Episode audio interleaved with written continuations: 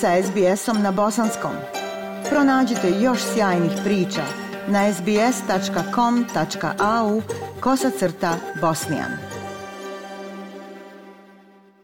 Aisha, lijep pozdrav tebi i slušateljima SBS radija.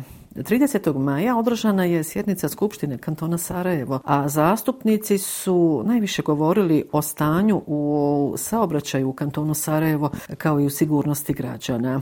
Imali su niz pitanja za nadležne. Naime, nakon upućenih pitanja vladi kantona Sarajevo, a koja se odnose na saobraćajnu nesreću koja se dogodila prošlog vikenda u samom centru Sarajeva u kojoj je poginula mlada doktorica Azra Spahić, premijer kantona Nihad Uk je istakao kako vlada radi na tome da se ovo više ne događa. Jedna od mjera je, kako je kazao premijer Nihad Uk, smanjenje brzine u kantonu Sarajevo kroz izmjene zakona. Istakao i to da je vlada kantona Sarajevo imala sastanak sa predsjednicima općinskog i kantonalnog suda, zatim sa predstavnicima policije te predstavnicima prekršajnog sektora. Razmatrali smo privremeno oduzimanje vozila te smo donijeli zaključak da se oduzimanje vozila čini na osnovu kantonalne sudske prakse, odnosno posljednjih sedam prekršaja gdje je upućeno da to vrši policija. Naveo je UK te je dodao i to da će se raditi na tome da se novčana kazna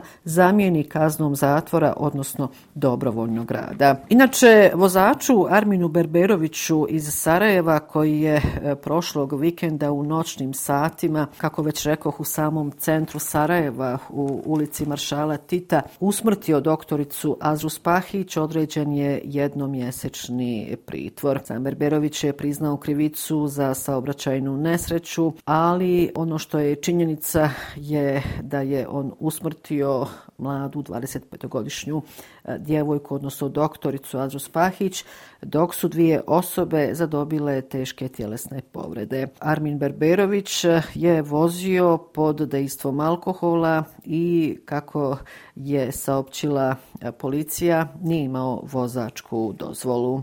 A i evo u nastavku nekoliko aktuelnosti koji su obilježili proteklu sedmicu. 30. maja dva bombardera zračnih snaga Sjedinjenih američkih država izvršila su niski prelet iznad Sarajeva, ali i drugih gradova u Bosni i Hercegovini kao znak čvrstog partnerstva između Sjedinjenih američkih država i oružanih snaga Bosne i Hercegovine. Događaju koji je izazvao veliki interes javnosti u Bosni i Hercegovini prisustovali su član predsjednika predsjedništva Bosne i Hercegovine Željko Komšić, američki ambasador u Bosni i Hercegovini Michael Murphy, te ministar odbrane Bosne i Hercegovine Zukan Heles. Ambasador Murphy kazao je da cilj preleta eh, bombardera nije bilo zastrašivanje. Bitna stvar je da je ovo još jedan pokazatelj jake i trajne saradnje i partnerstva koje je prisutno između oružanih snaga Bosne i Hercegovine i Sjedinjenih američkih država koje traje već 20 godina. Cilj ovog događaja jeste produbljivanje i nastavak već uspješne saradnje, kazao je američki ambasador Michael Murphy. Kako već rekao, prisustvo i eh, član predsjedništva Bosne i Hercegovine Željko Komšić i evo šta je okupljenim novinarima kazao. Politička poruka jeste da su Sjedinjene američke države zapravo uvijek tu i da stoji za Bosne i Hercegovine, što je, ako ćemo pošteno u ovom trenutku i na ovom mjestu, dobro znati. E, ministar odbrane Bosne i Hercegovine Zukan Helez podsjetio je da su Sjedinjene američke države ključni vanjsko-politički i vojni saveznik Bosne i Hercegovine, a let američkih aviona iznad Sarajeva komentarisao kao poruku da Sjedinjene američke države garantuju teritorijalni integritet Bosne i Hercegovine. Moram reći da Zukan Helez se osvrnuo i na negativne komentare koji su došli od zvaničnika Republike Srpske. Evo šta je dakle Zukan Helez kazao ko je koga bombardovao, to je nekakav jeli, događaj između dvije države, ranije bio i mi u to ne ulazimo, Bosna i Hercegovina je suverena nezavisna država, ima pravo da sklapa sporazume, ugovore, da potpisuje vježbe, obuke i to mi upravo radimo. Već sam rekla da su negativni komentari bili na ovaj niski prelet američkih bombardera iznad gradova u Bosni i Hercegovini. Izdvojiću mišljenje predsjednika Republike Srpske Milorada Dodika, koji je naravno negativno negativno komentarisao ovaj prelet bombardera. E, ministar odbrane Bosne i Hercegovine ne može da donese odluku bez saglasnosti dva zamjenika. Predsjedništvo Bosne i Hercegovine nije donijelo takvu odluku, kazao je Milorad Dodik. Mi smo u nekom obliku kolonijalne uprave. Amerikanci manifestuju silu.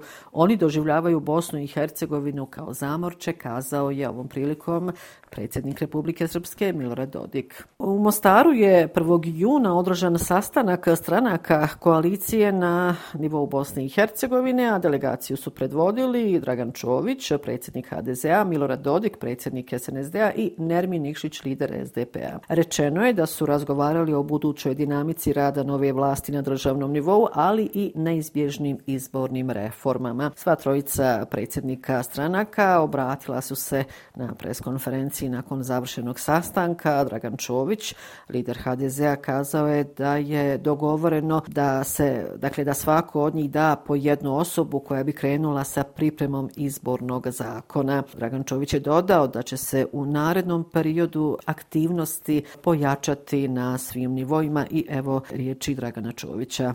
To dinamiziranje bilo bi vezano za zadnji postup gospodina Varhelija kao povjerenika za proširenje, gdje smo donijeli neka plan od 31 mjere za ovu godinu. Mi želimo da u paketu sve te mjere ide, jer naše opredjeljenje apsolutna Evropska unija i vjerujem da ćemo to e, staviti kroz naše mehanizme koordiniranja Milorad Dodik, predsjednik SNSD-a, izjavio da je zadovoljan njihovim partnerstvom kao i atmosferom koja postoji, koja, kako kaže Dodik, obećava i koja može biti garanti nekih lakših dogovora nego što je to bio slučaj ranije. Poslušajte Milorada Dodika. Ovo je dramatično, potpuno drugčije od ono što smo imali u prošlom vremenu, kada je Sarajevo bio SDA i kojima nikada nismo imali koordinaciju, nego smo imali svaki dan očekivanja kad će dobiti neki, da ne kažem udarac, a onda se uzvraćalo i na taj način funkcionisalo. Nermin Nikšić, predsjednik SDP-a, je kazao da su na dobrom putu i da uspostavljaju porušene mostove povjerenja. Evo slušamo Nermina Nikšića. Naravno da se još uvijek učimo jedni na drugi, da još uvijek razbijamo i vraćamo one nekakve eventualno poljuljane ili porušene mostove povjerenja, da gradimo to povjerenje stopu po stopu i kako dani prolaze, ja osjetim to i na radu ministara, da je to svaki dan sve kvalitetnije i sve bolje. I ovdje se sa velikom pažnjom pratilo konačna presuda Stanišiću i Simatoviću. Evo podsjetiću, 31. maja mehanizam za međunarodne krivične sudove pravomoćno je osudio na po 15 godina zatvora bivše rukovodioce Srbijanske službe državne bezbjednosti Jovicu Stanišića i Franka Simatovića, čime se završio rad Haškog tribunala na procesuiranju zločina počinjenih tokom rata u Bosni i Hercegovini. Miloševićevi šefovi tajni službi osuđeni su pravomoćno i za udruženi zločinački poduhvat, što nije bio slučaj u prvostepenom postupku 2021. godine, kada su e, njih dvojica dobili po 12 godina zatvora. Presuda je u suštini različita jer su osuđeni i za zločine u ostalih nekoliko općina, a ne samo u tadašnjem bosanskom šamcu. Udruženi zločinački poduhvat e, prema ovoj konačnoj presudi provodio se i u Bijeljini, Zvorniku, Doboju, Trnovu i Sanskom mostu. A naravno, domaće reakcije su različite. Dakle, u Federaciji Bosne i Hercegovine svi su pozdravili ovakvu konačnu presudu. E, predsjednik Udruženja žrtava i svjedoka genocida, Murat Tahirović, e, je nakon dakle, izrečene presude kazao ovo smo čekali 30 godina. Ovo je presuda za direktno učešće državljana Srbije, na najodgovornijih ljudi iz državne bezbjednosti koji su presuđeni konačnom presudom. Član predsjedništva Bosne i Hercegovine Denis Bečirović kazao je da smo ovim bliži istini o ratu u Bosni i Hercegovini. Bečirović je rekao kako tribunal nije sudio narodima, već je utvrdio individualnu odgovornost. Kada je riječ o reakcijama iz Republike Srpske, one se već znaju znaju, dakle, te reakcije su negativne na ovu konačnu presudu. I eto, iša ovoga puta toliko iz glavnog grada Bosne i Hercegovine. Još jednom vam lijepe pozdrave iz Sarajeva šalje Semra Duranović Koso. Like, share, comment. Pratite SBS Bosnian na Facebooku.